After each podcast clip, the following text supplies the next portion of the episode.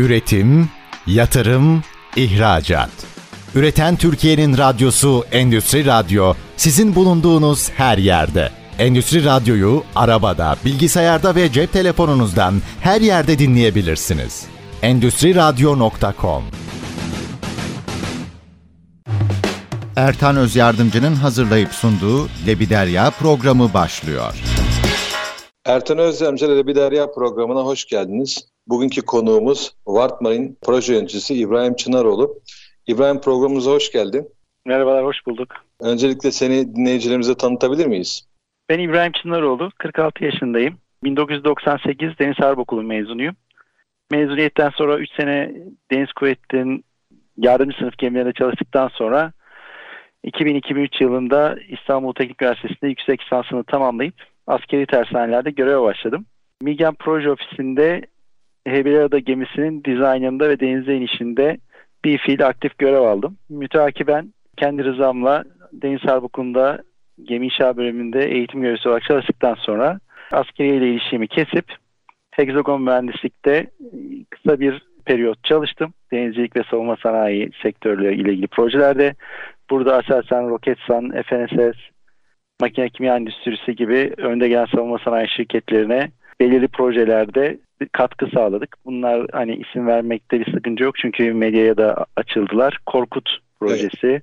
Aselsan'ın, Roketsan'ın omuzdan atılan taşınabilir hava savunma füzesi, makine kimya evet. endüstrisinin yapmış olduğu çeki topları, havadan taşınabilir çeki topları bu konulara destekler verdik. Mütakiben Savunma Teknoloji Mühendislik AŞ'de proje yöneticisi olarak TCG Ufuk gemisinin proje yöneticiliğini yaptım. En son evet. gemiyi denizin işinden sonra da Kanada'ya göçüp Vancouver, British Columbia'da Wartmine'de proje olarak çalışmaya başladım. Şu an için sen 3 yıldır Kanada'dasın. Doğru mu İbrahim? Doğrudur. 3 yıldır Kanada'dayım. 29 Kasım'da giriş yapmıştık Kanada'ya. 29 Kasım'da 3. yılımızı dolduracağız. Hayırlı olsun bakalım. O konuda senin hikayeni birazdan dinlemek isterim.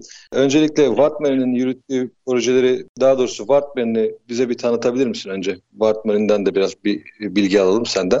Tabii ki Wartman'in aslında daha önce STX adında Kanada'da kurulu olan bir dizayn mühendislik firması. Gemi inşaat sektöründe çalışan. Daha sonra Fincantieri ve Wart Norveç'in ortaklığı tarafından satın alınıyor. Ve şu anda Kanada, British Columbia, Vancouver'da bir tane ofisi var. Doğu yakasında Ottawa'da bir tane ofisimiz var.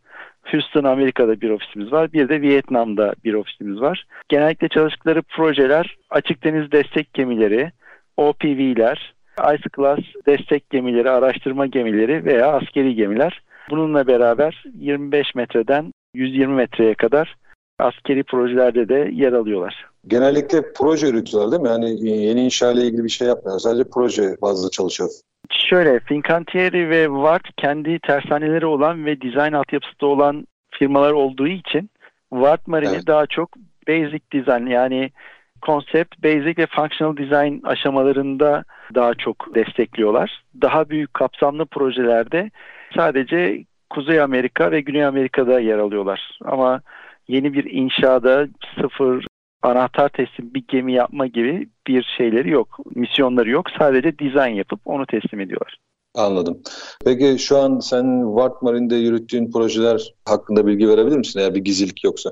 Ha, yok bunlar basına da açık zaten takip edilebiliyor. Şu anda ben iki projede yer alıyorum. Bir tanesi Şili'nin Ice Class LPD projesi. Diğeri de Kanada hükümetinin sahil güvenliği için, Canadian Coast Guard için yaptığı yapılan bir kutup araştırma gemisi. Evet. Şu an için ben bu iki projeyle uğraşıyorum. Bu LPD dediğin bizim şu anda TCG Anadolu'ya benzer bir gemi mi yapıyorlar? Tam olarak değil. Aslında bu bizim tank çıkarma gemilerimize birazcık benziyor ama arkasında bir tane havuzu var. Veldok var bir tane. Burada ufak bir LCM var. Bir adet tank veya muadili LCM'e sığacak büyüklükte iş makinesini taşıyabiliyor. Şili bildiğiniz üzere Güney Amerika'nın batı yakasında en yukarıdan en aşağıya kadar uzanan bir kıyı devleti aslında. Çok evet. ilginç bir coğrafyası var ve ülkenin en ucu da güney kısmında Antarktik sularına ve Antarktika'ya yakın olduğu için, Güney Kutbu'na yakın olduğu için oradaki haklarını savunabilmek adına böyle yarı askeri, yarı insani amaçlara hizmet edecek gemi mantığıyla bir gemi tasarlattılar bize. İçinde işte askeri ekipman, tank veya konteyner hastane modeli taşıyabiliyor. Helikopter konaklama ve bakım sunum imkanları da var. Ee, bize de buna benzer gemileri yapmıştık yani var. Deniz kuvvetlerimizde de var. var. Evet. evet. Evet peki şimdi İbrahim Çınaroğlu'nun ileriye dönük planları Kanada'ya gitmiş, 3 sene geçirmiş. Daha sonraki süreçler için İbrahim Çınaroğlu olarak bir planın, projen var mı kafanda? Yani tabii ki öncelikle projemiz başkasına değil kendimize çalışmak. Her insanın istediği gibi devamında, bu hayatın devamında kendi işimizin sahibi olmak. Her Türk müteşebbis gibi önce kendimizi sağlamalım sonra kendimize nasıl iş kurarız modundasın sen de o zaman. Evet yani şöyle söyleyeyim nasıl ki İstanbul'un taşı toprağı altın derlerse Kanada'da evet. da hakikaten fırsatlar ülkesi denebilir. Bunun çeşitli sebepleri var ama ben sadece gemi inşaat sektörü olarak baktığımda belirli potansiyel alanlar var ama burada bir ama var. Ne yazık ki Kanada'da gemi inşaat sektörü öyle çok büyük gelişmiş bir sektör değil. Şu anda devletin bu kendi donanması için oluşturmuş olduğu projelerle hız kazanmış, ivmelenmiş bir sektör. Burada evet. daha çok küçük yatlar, küçük dediğim yatlar 25 metreden hatta 10 metreden 150 metreye kadar yatlar söz konusu. Onların evet. bakım onarımı veya Vancouver biliyorsunuz e, Batı Amerika'nın en büyük limanlarından bir tanesi. Buraya gelen evet. hem cruise hem de konteyner ya da diğer yük gemilerinin e, onarım ve bakım işleriyle ilgili sektörlerde çalışabilecek alanlar var. Buralarda bir şeyler yapabiliriz. Hani belki bahsetmem gerekirse bir startup girişimimiz var bizim burada şu anda. Evet onu ben merak ediyorum. Aslında bir onu ıı, paylaşırsan nasıl bir şeyler yapıyorsun? Çünkü duymuştum seni böyle bir startup başlattığını da onu evet. da dinleyicilerimize anlatırsan güzel olur. Tabii ki. Şöyle Kanada'nın hani belki ileride de konuşabiliriz ama kısacık şey söyleyeyim. Kanada'nın alım gücü çok yüksek buradaki insanların. Çünkü kişisel iş gücünün yani insan birim saatinin değeri çok yüksek. Bu sebeple e, denizcilik tekne almak veya bir yat sahibi olmak burada lüks değil. Bizim orta sınıf dediğimiz her insanın ulaşabileceği bir olgu, e, değer. Bu nedenle çok fazla yat ve tekne var. Bunlardan bir araştırma yapıp istatistikler verilere girdiğimizde e, yılda 44 bin yeni tekne her sene ruhsatlanıyor Kanada'da ve 40 evet. binde kıştan takma motor ruhsatlanıyor. Biz bu araştırmayı nasıl aklımıza geldi, nasıl yaptık derseniz bir gün evet. arkadaşlarla bir yat limanına bakan güzel bir yerde oturup sohbet ederken gözümüz teknelere ilişti ve sonra bir saymaya başladık. Bir baktık her 10 tekneden 7'si kıştan takma motorlu. Bu sektörde bir şey olabilir diyerek böyle bir araştırma yaptık. Bu 40 bin motorun da %30'u yaklaşık British Columbia'da satılıyor ve her yıl yeni bir potansiyel müşteri olarak pazara giriyor. Biz de bu alanda bu kıştan takma motorların bakım onarım tutumu daha ilerleyen safhalarda da teknelerin kışlık bakımlarının yapılması, kışlamasının sağlanması, e, belirli bir alanda karaya çekilerek çeki yeri olarak hizmet verilmesi gibi bir planımız var. Bu konuda çalışmalar yürütüyoruz şu anda kendi içimizde. Şunu sorayım, yanına beraber bu işi geliştirdiklerinde Türklerdir diye düşünüyorum. Türk arkadaşlar mı yoksa Kanada'dan bir katılımcı var mı bu startup'a? Ha yok şu an Kanada'dan bir katılımcımız yok. Yine Türkiye'den buraya gelmiş bir arkadaşımız var. Kendisi çarkçı, makine mühendisinden, İTÜ makine mühendisinden mezun fakültesinden. Çarkçı olarak Arkas'ta uzun yıllar çalışmış. O da evet. buraya gelmiş. Onunla beraber gerçekleştiriyoruz bu fikrimizi. Tamam o zaman iki Türk arkadaş beraber önce bir kıştan evet. takma motor tamir atölyesi ardından da inşallah başarıya ulaştırırsa tekne çekek yeri tarzı bir ufak marina gibi bir, bir oluşuma doğru gideceksiniz. Kışlama yeri evet. gibi doğru mu? Evet inşallah hedefimiz bu. Yani olmayacak bir şey de değil. Burada evet. çünkü dediğim gibi tekne ve onun altyapısı ortalama gelir olan herkesin ulaşabileceği bir değer olduğu için potansiyeli yüksek bir pazar ve şey değil pasta çok büyük rakibimiz yok mu tabii ki var çok niş bir pazar değil ama işini layığıyla yapan düzgün e, firmalar olmadığı için bu konuda Türk girişimci zihniyetiyle başarılı olacağımızı düşünüyorum. İnşallah inşallah bir sonraki programda marina açılışı ile ilgili senin tanıtımını yaparız diye umuyorum. Şimdi İbrahim Çınaro'nun şu an orada ne yaptığını neler yaptığını hani az çok dinleyeceğimize paylaştık. Benim şimdi filmi biraz daha öne sarmak istiyorum ve senden şunu öğrenmek istiyorum. İbrahim Çınaroğlu olarak bu kararı aldığında hani ben buradan Kanada'ya gideceğim kararını aldığında yaşamındaki değişiklikler, oraya gittiğinde karşılaştığın zorluklar veya kolaylıklar. Onlarla ilgili biraz bilgi verir misin? Sonuçta bu dinleyicilerin içinde belki yurt dışına gitme kararı alanlar vardır, almayı düşünenler vardır veya tam tersi e, gidip pişman olan da vardır. Senin en azından tecrübelerini aktarabilir miyiz? Şöyle son bir 3-4 dakikamız var programın birinci bölümü bitmeden. Senden onları bir dinleyelim istersen. Tabii ki. Öncelikle ben şunu söyleyeyim. Bana bir şekilde ulaşıp soran çok vatandaşımız var, arkadaşlarımız var. Ben kimseye aman koş gel demiyorum. Bu ciddi bir karar. Düşünüp taşınıp karar verilmesi gerekiyor. Hem eşinizle hem de çevrenizle. Biz yurt dışında yaşamak ve bunu tecrübe etmek, kendimize bir şeyler katmak, dünya insanı, dünya vatandaşı olmak için Türkiye'nin dışındaki yaşamları görmek ve onlardan bir şeyler kendimize katmak hedefimizdi. Bunu uzun yıllar düşündük. Ee, yaklaşık 2012 yılından beri böyle bir düşüncemiz vardı ama Türkiye'de bizi bağlayan çapalardan bir türlü kurtulamadık. Hem kendi yarattığımız çapalardı bunlar hem de ailelerimizden gelen çapalardı. Ama evet. 2014 2015 sonunda bu kararımız daha netleşti ve daha ciddi araştırmaya başladık. İşte 2019 yılında da hem çocuklarımızın geleceği hem kendi kariyerimizde farklı bir sayfa açarak daha farklı büyük bir vizyona sahip olmak adına yurt dışına çıktık. Bizim çıktığımız dönem tabii çok zor bir dönemdi. Tam Covid'in ortasında biz Kanada'ya giriş yaptık ve hemen peşinden Kanada hükümeti daha doğrusu bizim geldiğimiz eyaletteki British Columbia eyaletindeki Sağlık Bakanlığı sağlık acil durumu ilan etti ve bütün iş yerleri kapandı. Ben 9 ay boyunca hiç bir şekilde iş bulamadım, işe giremedim. Öyle bir evet. sıkıntımız vardı. Burada yaşamınızı sağlayabilmek için tabii o hayatınız boyunca yapmayı hiç düşünmediğiniz işlere de el atmanız gerekebiliyor. Onları da yaptık. Yani geldiniz Peki İbrahim hemen araya girip bir şey, bir şey sorabilir miyim? Yani e, eğer Covid olmasaydı da sen yine e, normal koşullarda gitseydin hemen iş bulabilecek miydin? Yoksa yine e, belki bir 6 ay 9 ay yerine 6 ay kadar yine uğraşacak mıydın? Yani orada bir gerçekten herkes sizi bekliyor ve iş vermenin peşinde mi yoksa düşünüldüğü gibi kolay değil mi? Bu birazcık sizin geçmişinizden taşıdığınız tecrübelerle de alakalı.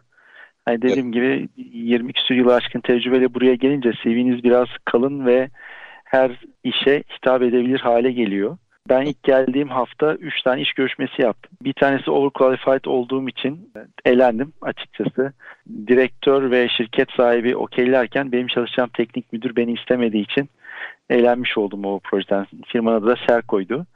Daha sonra peşinden iki iş görüşmesi yaptım. Onlardan ikisiyle de kontrat aşamasına kadar geldik. Ancak Covid nedeniyle sonuçlanmadı. Alımları durdurdular. En sonunda da bu Ward firmasıyla dördüncü firma olarak görüşmeyi yapmıştık. Onlarla da kontratı imzaladık ama ofisleri kapalı olduğu için bir türlü başlayamadık. Böyle 9 ay açıkta kaldık. Evet o biraz zaman senin şanssızlığınla ilgili bir 9 ay olmuş. Yoksa gittiğin zaman aslında e, atıyorum belki birkaç ay içinde hedefe yakın veya hedeflenen tarz bir işi bulma şansı eğer kendini iyi donatmışsan e, bu ülkede mümkün. Yani sonuçta çok böyle olumsuz bir taraf yok iş bulmayla ilgili Kanada. Evet yani ama evet. şunu söylemek lazım. Burada Canadian Culture denen şey var ve bunu Canadian Experience'la kazandığınızı düşünüyorlar. Bu da şu demek. Burada hakikaten 7 düvelden insan var ve bunların e, anlayışları çok farklı. Örnek veriyorum bizde bir şirketin müdürünün kapısını çalmadan yanına gidip konuşup bir de karşısına oturup bacak bacak üstüne atabilecek junior yani giriş seviyesi mühendis var mıdır diye düşünüyorum. Ben belki çalıştığın şirketin müdürünü görmeyen genç mühendis arkadaşlar olduğuna inanıyorum Türkiye'de. Burada ise bu çok normal. Bacak bacak üstüne atıp toplantıda fikrini söyleyip ağzında sakızla konuşan arkadaşlar var. Ve kimse bunu yadırgamıyor. Hani ben evet. birazcık da asker kökenli olduğum için belki bunu yadırgıyorum ama mesela mailler uçuşuyor havada. Bizdeki hitabetlerin hiçbirisi yok. Hani evet. bunları kaldırabilmek biraz zor. Bir de geldiğiniz zaman dediğim gibi bu tecrübe olmadığı için ilk başta giriş seviyesinde işlere yönlendiriyorlar sizi.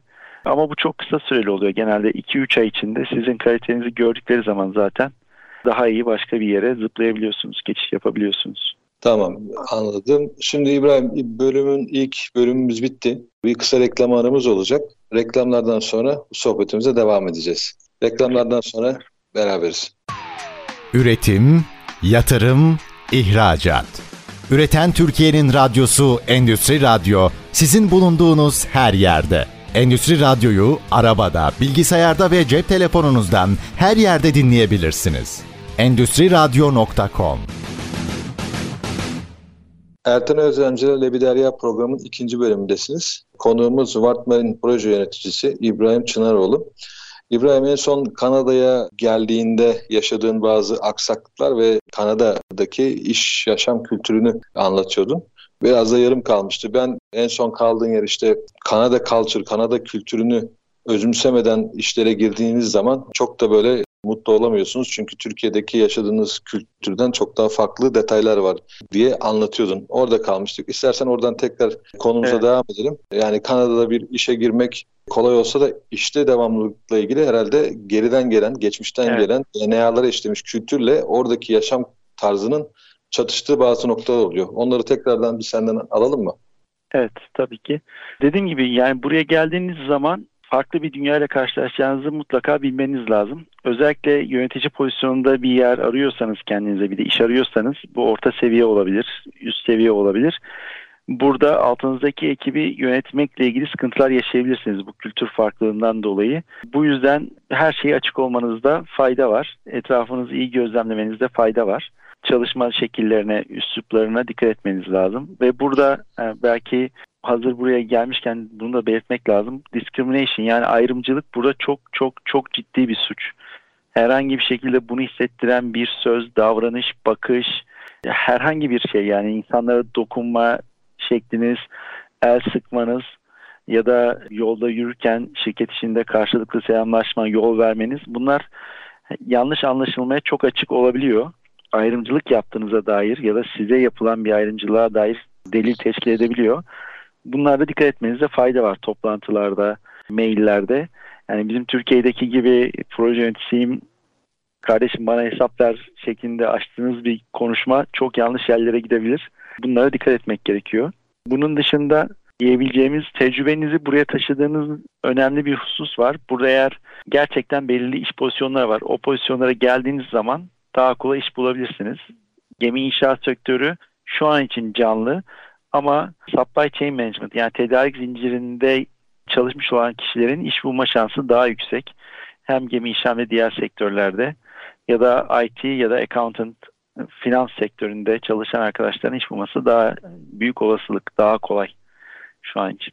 Anladım. Geçenlerde bir sohbet olmuştu belki yani örnek olarak Quebec tarafında bu Fransızca konuşan evet. eyalette bir arkadaşlarımız var. Oranın orada yaşayan Kanadalı evet. dostlarımız ticaret yaptığımız. O, o arkadaşın abisi bildiğim kadarıyla orada ambulans işletiyormuş. Ambulans filosu varmış.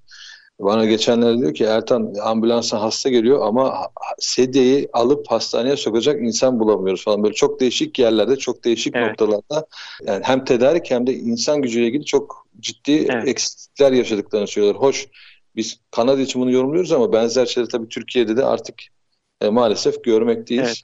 Ama san, sanıyorum sizin oralarda şu anda o bölgede bu tip böyle detay detay işlerde çok ciddi açıklar var. Ama... Evet yani her her iş alanında açık var. Bu Covid de etkili oldu. COVID, bir de burada Kanada ilginç kapitalist ama sosyal bir devlet. Sağlık evet. hizmeti ücretsiz, eğitim ücretsiz kendi vatandaşları ve kalıcı oturum izni olanlara ve çalışmayanlara da ciddi miktarda yardım yapıyor. Maddi yardım yapıyor. Ve bazı insanlar bu maddi yardımla geçinmenin yeterli olduğunu düşünüyorlar. Mesela Canadian Culture'ın yani Kanada kültürün bir farklılığı da bu. Mesela bir tekniker çalışıp ayda kendini ve ailesini doyuracak, yıllık izne çıkacak kadar bir para kazandığı zaman daha fazlasını kazanmaya ihtiyacım yok deyip fazla mesai reddedebiliyor. Gelmek istemeyebiliyor. Bunu zorlayamıyorsunuz. Veya herhangi bir durumda istifasını verip çıkabiliyor ortada kalıyorsunuz. Ondan sonra o mühendis arkadaşın yerine iş yapacak birisini bulmanız gerekiyor. Bu birazcık farklı dediğiniz gibi ve Kanada'da göçmen aslında Kanada'yı ayakta tutan hususlardan birisi ama bununla beraber iklim şartları olabilir, kültür olabilir ya da insanların aklındaki hedefler olabilir. Bir istatistik var. Kanada'ya gelen göçmenlerin %70'i 2.7 yıl sonunda Kanada'yı terk ediyormuş. Yani burada sürekli bir iş gücü ihtiyacı var durmaksızın. O zaman çok uzun solukluk bir hani şey yok, birliktelik yok. Yani göçmenler orada hani birkaç kuşak aynı bizim hani Türklerin Almanya'ya gidip 3. 4. kuşakta hala orada kalmaları gibi çok köklü bir göçmen orada kalmıyor veya oraya yerleşmiyorlar gibi bir durum ne yazık ki evet ne yazık ki öyle bir şey yok ama şöyle söyleyebilirim uzak doğu kökenli Şimdi burada dikkatli kelimeleri seçerek kullanmam lazım. Benim bulunduğum yer Richmond bölgesi. Vancouver'da güneyinde bir il, büyük şehir. Yani Vancouver Büyükşehir Belediyesi olarak düşünün. Richmond bunun örnek veriyorum Tuzla'sı. Burası Kuzey Amerika'nın en yoğun Çinli nüfusunun, uzak doğu nüfusunun bulunduğu yer. Hani evet. bir diasporadan bahsedeceksek Çin nüfusunun inanılmaz bir yoğunluğu var burada, baskısı var Kanada'da. Zaten bunu her yerde hissedebiliyorsunuz. Onun dışında Hint kökenli göçmenler çok fazla. Onların da bir diasporası var. Burada yaptırım gücü çok fazla. Hani bu göçmenlik, birliktelik ve uzun sürekten bahsederken hani bir örnek vermem gerekirse yakın zamanda yerel seçimler oldu benim bulunduğum eyalette. Belediye başkanlığı seçimleri, meclis seçimleri. Burnaby denen bir şehir var. Bu şehrin belediye başkanı karşısında rakip olmadığı için seçime girmeden kazandı. Yani hiç oy kullanılmasına gerek kalmadı. Veya hemen altında başka bir il var, Langley denen. Orasının belediye başkanı da 1700 oy alarak e, belediye başkanı oldu. Hani 1700 oy farklı demiyorum. Toplamda evet, aldığı toplam. oy 1700. Yani Sanıyorum burada... oralarda belediye başkanı çok popüler bir şey değil, makam değil. Demek çok ilgi yok orada. Bizim Türkiye'de ee, belediye başkanı olmak kıymetli bir şey biliyorsun. Aslında burada da önemli kıymetli, değerli, inanılmaz bizim bulunduğumuz bölge mesela Çinlilerin yoğun yaşadığı yerde çok fazla aday var. Hepsi çoğunlukla Çinliydi. E, evet. onlar ciddi kapıştılar Richmond bölgesi için. Ama diğer bölgelerde pek şey olmadı. Böyle bir ilgi olmadı. İlgi olmadı. Şunu da söyleyebilirim. Kanada, BC'de seçimler yani Kanada'da diğer eyaletlerin tam olarak bilmiyorum ama bizim eyalette seçimlere gösterilen ilgi oranı %30 civarında. Oy kullanma oranı %30. Çok düşük. Evet. Eğer şöyle kan Kanada konsolos yani bizim Vancouver başkonsolosluğumuzda kayıtlı tahminen 5500 civarı bir Türk nüfusu görünüyor ama daha çok Türk var bunu biliyoruz aslında ama kayıtlı adres kaydı vermiş olanlardan bahsediyorum. Yani bunlar gidip bir şehre yerleşsek şöyle 3000 kişi olacak şekilde o şehrin bütün belediyesini biz çıkartırız yani rahat rahat. O belediye başkanından sonrası da zaten artık şeye gidiyor. Vekillik olarak Kanada hükümetinde temsil etmeye gidiyor iş. Yani aslında yaptırım gücü çok yüksek bir pozisyon belediye başkanlığının bir sonraki aşaması. Burada Türkler olarak bir network'ü kurup birlikteliğimizi burada birlikte yaşamayı becerebilsek, Türkiye'deki çapalarımızı bir tutan zincirleri kırıp burada farklı düşünerek bir arada yaşamayı becerebilsek ciddi olarak aslında hem öncelikle BC eyaletinde daha sonra da Kanada'da yaptırım gücümüz var. Yani bakmayın 1700 oyla seçilen Langley Belediye Başkanı şu anda BC'nin kendi içinde yani bir eyaletinde ciddi söz e, yaptırım hakkına sahip. Onun etkisi de dolaylı olarak Kanada'nın hükümetinde yansıyor, görünüyor bunlar. Hani şey olarak şöyle düşünün. Ülkeden bahsediyoruz ama Türkiye'nin nüfusu şu an herhalde 90 milyonun geçmiş durumdadır.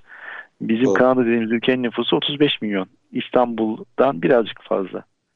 Hani o yüzden e, belediyeler burada şehirler önemli bir büyüklük.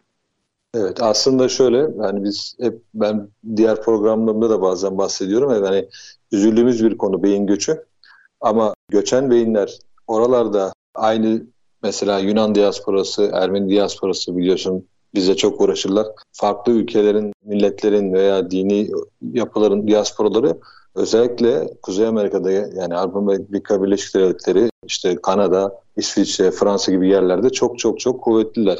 Sebepleri bir araya gelmiş olmaları ve beraber hareket edebiliyor olmaları ve finansal yapıya nüfuz etmiş olmaları. Aslında şu anda işte senin gibi şu an yeni göç verdiğimiz insanların pek çoğu üst seviyede eğitim almış. işte beyaz yaka, mavi yaka icabında bu insanlar oralara gittikleri zaman aslında bir araya gelip beraber hareket edebilse bizleri de yurt dışında daha kuvvetli ve güzel temsil etme imkanı sağlayacaklar. İnşallah böyle bir hani oluşuma doğru gider. Bu çünkü asıl sızlanan beyin gücü belki son 10 senenin konusu. Her zaman vardı ama şimdi daha etkili ve eğitimli bir grup gidiyor.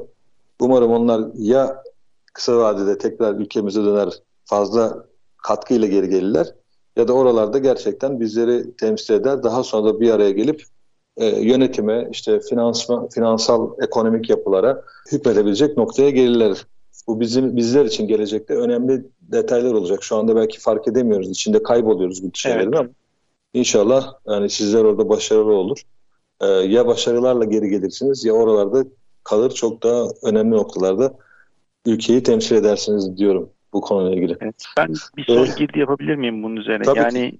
üniformasını çıkartmış birisi olarak söyleyeyim bunu. Evet. Ülkeye hizmet etmek için mutlaka bir ünvanınızın, üniformanızın ya da çok büyük bir yaptırım gücünüzün olmasına gerek yok. İnanın şu bulunduğumuz Kanada'da bunu başıma gelen bir hoş anı olarak belki anlatabilirim son ileride. Şu Kanada'da bir Türk çayı bile çok şeyi değiştirebiliyor. Onu söyleyebilirim size. Yani onu o zaman 3. bölümde senden dinleyelim. Bir Türk çayının nelere muktedir olduğunu Kanada'da. Evet. Şimdi benim bir şey danış, danışacağım sana bir şey soracağım. Daha doğrusu dinleyicilerimizin de ilgisini çekebilir. Bildiğim kadarıyla eşin e, Çiğdem zaten aslında Çiğdem'in oraya öğrenci olarak gitmesiyle başlayan bir hikayeniz vardı yanlış hatırlamıyorsam Kanada'ya. Evet. Benzer şekilde şimdi e, oraya gidecek olan yani Kanada'ya gidecek olan Kanada'ya evet. E, sadece eğitim için değil aslında eğitim görünümüyle oturma izni alacak insanlara destek veren bir bir yapı kurdu orada ve bir takım çalışmalar yapıyor ve Türkiye'den Kanada'ya yerleşmeye çalışan veya planlayan insanlara bir takım yardımlarda bulunuyor, evet. desteklerde bulunuyor profesyonel olarak. Bu şeyi böyle bir anlatabilir misin? Nasıl bir sistematik tamam. şekilde siz ben... gittiniz? İşte Çiğdem de nasıl yardımcı oluyor? Hani böyle bir senin konuyu bildiğin için onu da paylaşırsan belki yine birilerine destek olacak bir Tabii e, tavsiye olur. Şimdi öncelikle şunu söylemek lazım konuşmanın başında. Ben kesinlikle bir göç danışmanı değilim. Resmi bir statüm yok ve şu an söyleyeceğim her şey kendi tecrübeme aktaran bilgilerdir. Bunu söylemek zorundayım çünkü bu vereceğim bilgiler sadece göç danışmanları tarafından resmi olarak verilirse doğruluğu olan şeyler. Ben sadece kendi tecrübemi aktarıyorum. Okey. Tavsiye niteliğinde veriyorsun. Evet. Evet. Çünkü bu konuda Kanada hükümetin ciddi yaptırımları var. Ben bir göç danışmanı değilim. Bunu tekrar altını çizeyim. Kanada ya gelmeyi düşünüyorsanız arkadaşlar bunun e, tıpkı Amerika'nın green card'ı olduğu gibi Kanada'nın da bir express entry denen yani express giriş denen Türkçesi bir seçim çuvalı var. Bu çuvala isminizi yazıp atmanız lazım. Bunu da online olarak bir internet sitesi üzerinden yapabiliyorsunuz. Buna Türkiye'de danışmanlık hizmeti veren, buraya kaydınızı yapmak için size yardımcı olabilecek çeşitli şirketler vardır. Biz bu yolla gelemedik çünkü benim yaşım 42 idi biz bu başvuruyu yapıp gelmeye karar verdiğimizde ve bu sistemden alabildiğim puan çok düşüktü. Yani o çuvalın üstlerinde yer alıp çıkmam zordu. Altlarda kalacaktım. Yani o yüzden etinden sütünden faydalanma imkanı görmedikleri için sen düşük puan alıyordun. Çünkü yaşın evet. ileriydi. Evet. Evet. Tam doğrusu bu aslında. Çok açık açık ve net. Açık ve net açık olarak ve net. Evet. seni yeteri kadar kullanıp sağamayacakları için sen geride kalıyordun. Evet. Evet, tam doğrusu bu. Benim etimden sütümden çok uzun sürede faydalanamayacaklarını değerlendirdiklerinden puanım düşük çıkıyordu. Sonra biz ama gitmek için başka bir yol olabilir mi diye düşündük. Dedik araştıralım. Araştırınca şunu gördük. Buraya eğitim için kabul alıp gelebilirseniz üniversitelere aileniz de sizinle beraber gelebiliyor. Eşiniz ya da partneriniz çalışma izniyle geliyor. Sizin okuma izniniz varken. Çocuklarınız da burada okula gitme hakkıyla geliyor belirli bir yaşında. Belirli bir yaşın üstündeyse onlara da çalışma izni alınabiliyor. Ama bunu yapabilmek için okula başvurunuzun okul tarafından kabul edilmesi lazım. Bunun için de belirli bazı şartlar var. Her okulun bu talepleri değişebiliyor. İngilizce dil bilgisi önceden tolere edilebiliyordu. Yani burada eğitim alıp geçeceğim şeklinde olabiliyordu. Ama artık onu kesinlikle kaldırdılar. Belli bir İngilizce dil seviye tespit sınavından geçmeniz lazım ve belli bir notunuzun olması lazım. Evet. Bu notları sağlayıp okulun ihtiyaçlarını da karşı yani okulun isterlerini de karşıladıktan sonra okuldan kabul mektubu alıyorsunuz ve bu kabul mektubuyla da Kanada hükümetine başvurup vize başvurusunu tamamlayıp kendiniz ve aileniz için vizenizi alıp geliyorsunuz. Ama bu işlemler okulun bulunması, okulun size uygun bölümünün bulunması biraz problemli. Bu konuda destek almakta fayda var. Biz de öyle yaptık. Biz de bir e, eğitim danışmanlığı firmasından fuardayken daha doğrusu Kanada'nın kendi okulu gelmişti. Bir tane üniversitesi gelmişti. O üniversitenin eğitim danışmanından bu hizmeti aldık. Türkiye'den buraya gelip göçtükten sonra eşim Facebook'ta yayın yapmaya başladı. Instagram'da, YouTube'da ilk önce. Sonra videolar çoğalıp takipçisi artıp insanlar çok soru sormaya başlayınca Onların da baskısıyla bir şirket kurma kararı aldılar ve şu anda eğitim danışmanlığı hizmeti veriyorlar burada Kanada'nın içinde. Kanada'nın bütün bölgelerine, İngiltere'ye, Avustralya'ya, Avrupa'ya öğrenci yerleştirme şansları var şu anda kurdukları network ile. Ve bunun karşılığında da bir ücret almıyorlar öğrencilerden. O da enteresan. Sadece evet sadece artık başvuran sayısı o kadar çok oldu ki eşimin şirketine ve onlarla da saatler harcamak zorunda kalıyorlar. Sadece bir depozito ücreti alıyorlar. Çok cüzi bir miktar.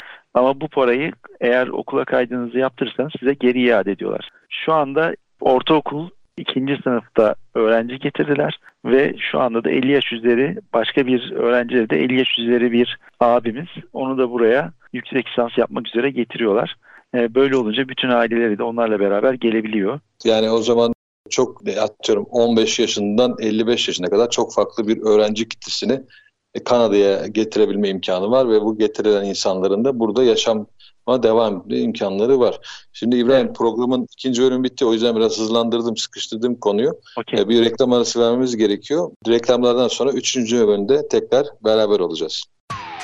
Üretim, yatırım, ihracat. Üreten Türkiye'nin radyosu Endüstri Radyo sizin bulunduğunuz her yerde. Endüstri Radyo'yu arabada, bilgisayarda ve cep telefonunuzdan her yerde dinleyebilirsiniz. Endüstri Radyo.com Ertan Özlemcileri Bir Derya programının 3. bölümündesiniz. E, konuğumuz Wartman'ın proje yöneticisi İbrahim Çınaroğlu. İbrahim en son ikinci bölümde Kanada'ya gitmeyle ilgili bir arka kapı tarifi yaptık. İşte Green Card'a benzer bir başvuruyla gittiğin zaman senin etin sütün faydalı değilse almadıklarını ancak genç ve şeyler vaat edebiliyorsan gidebileceğini ama bunun yerine eğitim alacağım diyerek eğitimle ilgili bir başvuruyla bir okul bularak bir üniversitede yüksek lisans vesaire yaparak kolaylıkla gidebileceğini anlatmıştım. Tabii bu hep gidiş yönündeydi. Bir de bunun geri dönüşleri var. Oralara gidip çok hızlıca geri gelenler var. Üzülüp ağlayıp geri kaçanlar var. Kışı görünce, hoş British Columbia'yı söylemiyorum ama diğer taraflarında Kanada'nın kışını gördükleri zaman bir daha tövbe deyip geri dönenler var. Onlarla ilgili de bir şey söyleyeyim ki sanki hep çok iyiymiş gibi anlattık. Acı gerçeklerden de bir iki anekdot vermekte fayda var diye düşünüyorum. Seni dinleyelim. Evet. Bu yurt dışında göç, gurbetçi olmak zor. Buraya o yüzden ailesiyle beraber gelenler bence birazcık daha şanslı. Buradaki şans da şundan kaynaklanıyor. Eğer aile, anne, baba, çocuklar kafa olarak aynı doğrultudaysa buraya gelince biz bu işi yapacağız, bize destek olacağız, her ne zorluk olursa göğüs gereceğiz diye düşünerek gelirse evin içine birbirine destek olduğu için daha mutlu olabiliyorlar. Ama ufak bir çatlak olursa, birisi zorla geldiyse yani sırf eşim istiyor diye ben geleyim olursa ya da çocuklar istemediği halde zorlayarak getirildilerse özellikle biraz yaşı büyük çocuklarda o zaman burada mutlu olma şansı ne yazık ki yok. Ne kadar para kazansalar da bunun örnekleri var dediğiniz gibi. Hatta 6 ay gelip 6 ay, 8 ay, 1 yıl sonunda dönenler bununla yetinmeyip birbirinden ayrılma aşamasına gelen çiftler, aileler var. Hani evet. dediğim gibi o yüzden buraya gelirken kafanızda her şeyi çok net oturtmuş olmanız ve ne olursa olsun ailenizin her şeyden önemli olduğunu unutmamanız lazım. Geri dönüş her zaman mümkün ama dediğim gibi her şey çok toz pembe olmuyor dediğiniz gibi. Geriye dönen çok kişi de gördük. Çok ailede arkadaşlarımızdan da oldu. Çok da üzüldük. Zor aslında. Buraya o kararı verip gelmek ve yerleşmek kalmak zor. Her şey toz pembe değil ve iş buluna kadar ki geçen süredeki stres hakikaten aileleri çok yıpratabiliyor. Bunu bir kere daha söylemekte fayda var. Evet bir karar verirken çok defa düşünmekte fayda var. Geri dönüşü ol, oluyor gibi gözükse de aslında geri dönüşü, dönüşü olmayan bir yola giriliyor. Evet. Çünkü döndüğümüzde burada, her şey burada da aynı olmuyor. Evet, evet. Aradan zaman geçince Türkiye'deki bıraktığınız her şey hatırladığınız gibi olmayabiliyor. Burada kalıp da depresyona girme olasılığınız da çok fazla. Eğer ciddi şekilde kendinizi hazırlamadıysanız ve sosyalleşmeye yönelmiyorsanız ev hastalığına tutulup depresyona giren arkadaşlarımız da var. Psikolojik destek almak zorunda kaldılar. Evet bu sıkıcı konudan hemen çıkalım uzaklaşalım o zaman. Çıkalım. Şimdi konumuz biliyorsun program adı Lebiderya hep denizcilik üzerine. Biraz evet. biz fazla Kanada üzerine gittik bu sefer. Şimdi biraz senden sonuçta Türk denizciliğini hem sivil hem askeri açıdan iki türlü de görebilen birisi olarak geçmişte çalışmış birisi olarak Türk deniz gemi sanayini, Türk denizciliğini ve Kanada'daki şu anda denizcilik sektörünü şöyle bir kıyaslamanı rica edeceğim. Bizim onlardan olan üstünlüğümüz, onların bizde varsa bir üstünlüğü, bizim buradan oraya yapabileceğimiz ticari destekler, yatırımlar neler olabilir? Şöyle bir bize anlatırsan, bizimle paylaşırsan çok güzel olur. Kanada'da dediğim gibi gemi inşaat sektörü çok gelişmiş bir sektör değil ne yazık ki. Her yani ülkenin neredeyse bizim gibi aslında neredeyse gerçekten üç tarafı denizlerle çevrili. İçeride çok büyük gölleri ve su yolları var. Ama ne yazık ki gemi inşa ve tersanecilik çok gelişmiş değil. Doğu yakasında Halifax tarafında Irving Shipyard, Irving grubun tersaneleri ağırlıklı olarak büyük tersane olarak öne çıkıyor. Batı yakasında Seaspan tersanesi grubunun tersaneleri öne çıkıyor. Burada şu anda Kanada hükümetinin yaratmış olduğu askeri proje paketi sayesinde bu tersaneler kalkınmış hatta kendi tersane altyapılarını geliştirmiş durumdalar. Batı yakası yani benim bulunduğum yaka yardımcı sınıf gemilerin inşa edildiği SİSPA'nın yaptığı taraf oluyor. Halifax doğu yakası ise muharip gemilerin yapıldığı modernizasyon projesinin hayata geçirildiği taraf. Burada özellikle gemi inşa ve tersanecilikle ilgili sıkıntı iş gücünün pahalı olması nedeniyle maliyetlerinin çok yüksek olması.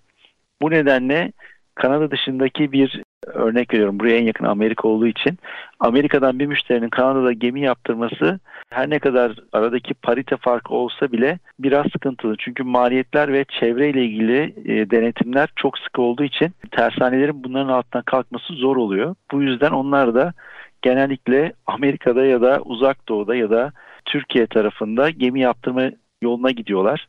Yani bununla Peki bir şey olarak... sorabilir miyim? Bu noktada Kanada evet pahalı çevresel etkilerden dolayı çok dikkat ettikleri için bir takım gemi sanayindeki işlemlerin yapılması daha dikkat edildiği için daha evet. maliyetli ve zor. Peki Amerika'da hemen göllerin aşağısında büyük Great Lake'in aşağısındaki kıyılarda veya okyanus tarafında farklı tersaneler var mı? Yani Amerika'dan Amerika sektöründe, Amerika denizcilik sektöründe Kanada'ya hizmet veren bir tersane oluşum var mı yoksa orada da mı aynı zafiyet söz konusu? Kanada hükümeti kendi yaptırdığı gemileri kendi tersanelerine istiyor. Yerlilik oranı şartı var. O yüzden Amerika'dan yaptıramıyorlar. Sivil işletmelerin merkezi de zaten çoğunlukla İngiltere'de Amerika merkezli olduğu için oradan alıyorlar. Yani Amerika'daki tersanelerin Kanada'ya hizmet veriyor olduğu proje bir ya da ikidir. Ben çok fazla duymadım. Ama offshore ile ilgili faaliyetlerde evet Amerika'dan hizmet alıyorlar. Onu biliyorum. Özellikle rüzgar gülleri, o gemiler vesaireler konusunda. Peki Anladım. burada pazar bu kadar küçük hiçbir şey yapamaz mıyız diye düşünürsek şöyle söyleyeyim gelip buraya bir tersane açıp kendinizi kabul ettirip buraya girmek zor. Burada ya da bir tersaneyi devralıp ben yürütürüm demek zor. Özellikle büyük gemi vesaire konusunda ama bu kadar büyük değil daha ufak olarak başlangıçta hedefiniz Kanada olsa bile daha sonraki market hedefiniz Amerika olacak şekilde girerseniz steel workshop yani çelik işleme atölyeleri, boru outfitting işleme atölyeleri veya gemi üzerindeki ufak mekanik donanımları üretip onları satacak atölyeler kurmak iyi bir pazar olabilir. Burada önemli olan Kanada'nın dışarıdan gelen bitmiş ürünlere uyguladığı kotalar var. Bunlara takılma riski olan ürünler. Bunlar çünkü kendi gemi inşaat sanayisini desteklemeye çalışıyor yan sanayiyle beraber. O yüzden Made in Canada olabilecek oranda ya da buna yakın bir oranı sağlayabilecek bir üretim prensibini benimseyerek burada bir işe girişilirse başlangıç için tutabilir. Çünkü şu anda Kanada'nın askeri kanadında devam eden projeler 2046 veya ötesine uzanıyor görünüyor şu anda projelerin devamlılığı olarak. Nereden baksanız 15-20 yıllık bir iş potansiyeliniz demek bu. Ama o periyotta da zaten kendinizi Kanada markası olarak tescillemiş olduğunuz için Amerika gibi büyük bir markete de girme şansı yakalayabilirsiniz. Amerika ile Kanada arasında bir ticari e, yani bir sınır var ama ticari olarak bir engel yok bildiğim kadarıyla doğru mu? Yani birbirlerine malı satma ile ilgili bir herhangi, herhangi bir yok. vergi uygulaması tamam. yok değil mi? Canam diye yazılan bir anlaşmaları var bildiğim kadarıyla. Tam açıldığını bilmiyorum ama orada Kanada-Amerika ticaret anlaşması bu. Birbirlerine ürün alım satımında sınırlamaları yok. Anladım. O zaman Kanada'da yapılan bir üretim e, sorunsuz şekilde Amerika Birleşik Devletleri'nde de rahatlıkla satılabiliyor. Hatta şunu söyleyebilirim. Kanada'nın uyguladığı bazı standartlar, gemi inşaat standartları kendi Kanada hükümetinin çıkarttığı standartlar var. Bunlar Amerika'nın kendi standartlarının bir tık üstünde olduğu için Amerika'da üretilen ürünlerin Kanada'ya gelmeden önce ilave testlerden geçmesi gerekirken Kanada'dakiler sorunsuz bir şekilde daha kolay sertifikalandırılıp Amerika'ya gidebiliyor. Anladım. Ve burada parite demiştik. Kanada Amerikan doları arasında 1.3'lük bir fark var. Yani bir Amerikan doları 1.3 Kanada doları yapıyor. Bunun anlamı da siz Kanada'da ne üretirseniz üretin malzemeden olmasa bile işçilikte %30 daha avantajlı olacaksınız. Dediğim gibi Kanada pahalı evet ama çevre koşulları vesaire yüzünden işçilik açısından baktığımızda Amerika'dan birazcık daha ucuza kaçabiliyor. Bunları dengelediğinizde nihai bitmiş bir gemi değil ama donatım malzemesini Kanada'dan Amerika'ya gönderme şansınız olabilir. Evet. Anladım. O zaman hani gemi inşaat sanayinde veya yat sektöründe vesaire bu tip e, oradaki bilmiyorum yat sektörü ne kadar Kanada'da yat inşaatı var muhtemelen tamir evet. bakım vardır ama inşaata ne kadar ilerideler şu an bilemiyorum yanlış bir şey de söylemeyelim. Ama denizcilik sektöründe ekipman üreticileri, yan sanayiciler Kanada'da bir yatırımla bütün o savunma sanayi projelerine özellikle bizim burada savunma sanayi projelerine girmiş olan NATO stok numarası alabilmiş olan, NATO standartında üretim yapabilmiş olan yan sanayicilerin orada 15 yıllık belki bir minimum iş imkanıyla yatırım yaparak sektöre girebilmeleri ve ürünlerini pazarlayabilme imkanları var diyorsun. Burada da bir takım sınırlamalar var anladığım kadarıyla. Yerlilik oranı yani orada aynı bizim ülkemizde de olduğu gibi bir ürünün o ülkenin malı olması için belli bir oranda yerli katkının olması gerekiyor. Ki bunu savunma sanayi projelerine satabilsinler. Evet. Bir de şeyi merak ediyorum. Diyelim buradan bir üretici ben orada bir tesisleşmeye gitmek istiyorum. Bir ortaklık yapmak istiyorum dediği zaman orada da buradaki üreticilere benzer e, atölyeler, üretim yerleri söz konusu mu? Yoksa zaten sanayi çok e, yavaş işliyordu. Şu anda yeni yeni yapılanmalar var. O yüzden komple yatırımı yapmak e, Türk tarafındaki üreticiye mi kalır? Yoksa orada birileriyle bunu koordineli kombinasyon yapıp imalatı oraya know-how götürerek yapabilir miyiz? Yani nasıl bir şey görüyorsun orada imkan? Bu tamamen sizin pazara giriş stratejinizle alakalı ama daha kolay ve hızlı ilerlemek istiyorsanız burada zaten halihazırda tersanelere çalışan şirketler var. Evet ama kapasiteleri yetersiz ve büyümek de istemiyorlar ya da teknik bilgileri, know-how'ları şu an için yetersiz kalıyor bazı şeylerde. Bunlarla anlaşma görüşme yapılıp ortaklık kurulabilir belirli paylarda ve kendi altyapınızı, bilginizi buraya taşıyarak kapasite arttırımı gibi bir ortaklığı o tarafa çekerek iş planını büyütebilirsiniz. Bu mantıklı bir yaklaşım olabilir. Tek başınıza girdiğiniz zaman ki karşılaşacağınız cam duvarlar bir yeni bir firmasınız. İki burada iş bağlantısı zaten devam eden firmalara rakip oluyorsunuz. Bunları aşabilmek için farklı stratejiler geliştirmeniz lazım. Birazcık daha yorucu olabilir sizin için. Evet, özellikle savunma sanayine giriyorsan da bir evet. yabancı firmanın ürün satıyor olması ne olursa olsun orada yapılsa da finalde biraz daha evet. zor olabilir ama oradaki bir yerli bir firmaya iştirak olarak gidilebiliyorsa çok çok daha evet. herhalde kapılar kolay açılacaktır diye evet. düşünüyorum. ya da kendiniz de gelmeyi düşünüyorsanız da bir kere burada kesinlikle bir firma açmanız lazım. Bunun için destekler de var zaten. Buraya bir branch ofis açıyorsunuz ya da onun farklı bir deyimi vardı ama şu an için hatırlayamıyorum. Firmanızın bir merkezini buraya taşımış gibi oluyorsunuz. Böyle olduğu zaman firmanızın Türkiye'deki geçmiş altyapısını da buraya taşımış kabul edilebiliyorsunuz. Ama yine de burada tabii kapasite raporları vesaire onları yapıp onlarla beraber başvurmanız gerekiyor. Ürününüzü pazarlayabilmek için. Ee, belirli bir süreci var. Yani şey çok kolay değil giriş ama girdikten sonra ilerlemesi çok daha hızlı ve kolay oluyor. Burada söz taahhüt olduğu için ilk aşamaları tamamladıktan sonra şirketinizle yaptığınız işler hükümet tarafından çok fazla sıkı denetlenmiyor. Mali tarafı hariç. Anladım. İbrahim yaklaşık son bir dakikamız falan var. Ben şu senin ikinci bölümde konuştuğumuz çayla ilgili bir şeyim vardı. Anekdotum vardı. O boşa gitsin istemiyorum. Kanada'da çayın okay. açtığı bir kapı var herhalde. Onu bizimle paylaşırsan çok mutlu yani olurum. Ben şunu demek istiyorum hani insanların ülkesine hizmet etmesi çok farklı şekillerde olabiliyor. Biz Kanada'ya eşimin okulu vasıtasıyla geldiğimizde ilk yerleştiğimiz yer Kamloops denen bir kasabaydı. 90 küsür bin nüfuslu bir yer ve e, çoğunluğu göçmen olmayan insanlardan oluşan bir kasabaydı. Bir tane üniversite vardı, devlet üniversitesi. Oraya gelen öğrenciler dışında göçmen görmemişlerdi bu arkadaşlar. Ve Türk'ü bilmiyorlardı, Türkiye'yi bilmiyorlardı. Biz oradaki ilk Türk aileydik.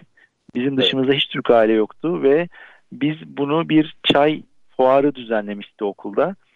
Biz orada Türk çayını yapıp insanlara dağıtarak Türkiye'yi Kanada'nın o bölgesinde bilinir hale getirdik. Burada Vancouver Başkonsolosluğumuz sağ olsun bize çeşitli broşürler e, sağlayarak destekledi. Hatta insanlara çay verebilmek için çay bardağımız yoktu. Konsolosluğumuzdan iki tane ödünç çay bardağı aldık göstermek için. Türk kültüründe çay böyle içilir diye. O bardakları evet. hala saklarım. Kullanmıyorum da kırmamak için. İnce belli ee, bardaklardan mı vardı? İnce belli bardak evet. evet. Yani karton bardak değil ince belli. Hatta bu altında kırmızı mavi beyaz desenli ha, bir bardağım tabağımız tabak, vardır ya. Tabak meşhur meşhur hepimizin çocukluğundan bu yana evet. hafızasını kazımış mavi beyaz kırmızı beyaz. Ee, ben evet. kahvehane bardağı diyorum ama her yerde var yani evlerimizde de hepimizde var olmazsa olmazımız. Evet. O çay fuarında Japonlar kendi çaylarını biliyorsunuz Japonlarda çay evet. kültürü çok farklı. Evet. Hintliler kendi sütlü çaylarını, işte ne bileyim İranlılar kendi çaylarını vesaire herkes sergilemişti.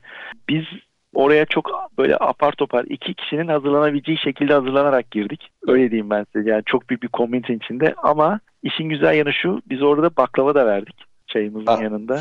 Eşim orada baklava yapmıştı. evet eşim Türkiye'den 10 bin kilometre uzakta baklava yaptı. Evet. Ve önümüzde kuyruklar oluştu ve bize şöyle bir kapı açtı. Okulun kendi düzenlediği toplantıların yemeklerini yapmak üzere bir sipariş aldık. Oo çok iyi. Yani çay sayesinde tabii yanındaki baklavayı da azımsamayalım. Çay baklava evet. kombini dünyanın her yerinde bizlere kapı açıyor o zaman. Hem ticari evet. hem gönül kapısı. En son Kamlos'tan Vancouver'a taşınırken de şöyle diyeyim Fransızlar, soğuk dediğimiz Fransızlardan 3 aile, İtalyan bir arkadaş, Kanadalı beyaz ırktan oldukça kalabalık bir grup arkamızdan bizim öğrettiğimiz şekilde bizi uğurlayıp su bile döktüler yani bunu da söyleyebilirim. Valla bravo. Türkiye'yi orada tanıttık yani. Elinize yüreğinize sağlık. İbrahim beni kırmayıp programa Kanada'dan katıldığın için teşekkür ederim. İnşallah bu yeni startup projenizin de başarılarını beraber hem beraber konuşarak hem inşallah programda tekrar seni konuk ederek ilerleyen dönemde konuşur, dinleyicilerimize paylaşırız. Katılımın için çok teşekkür ediyorum tekrardan. Tekrar görüşmek üzere diyorum. Dinleyicilerimize de biz dinledikleri için teşekkür ediyorum. Esen kalınız. Bir sonraki programda görüşmek üzere.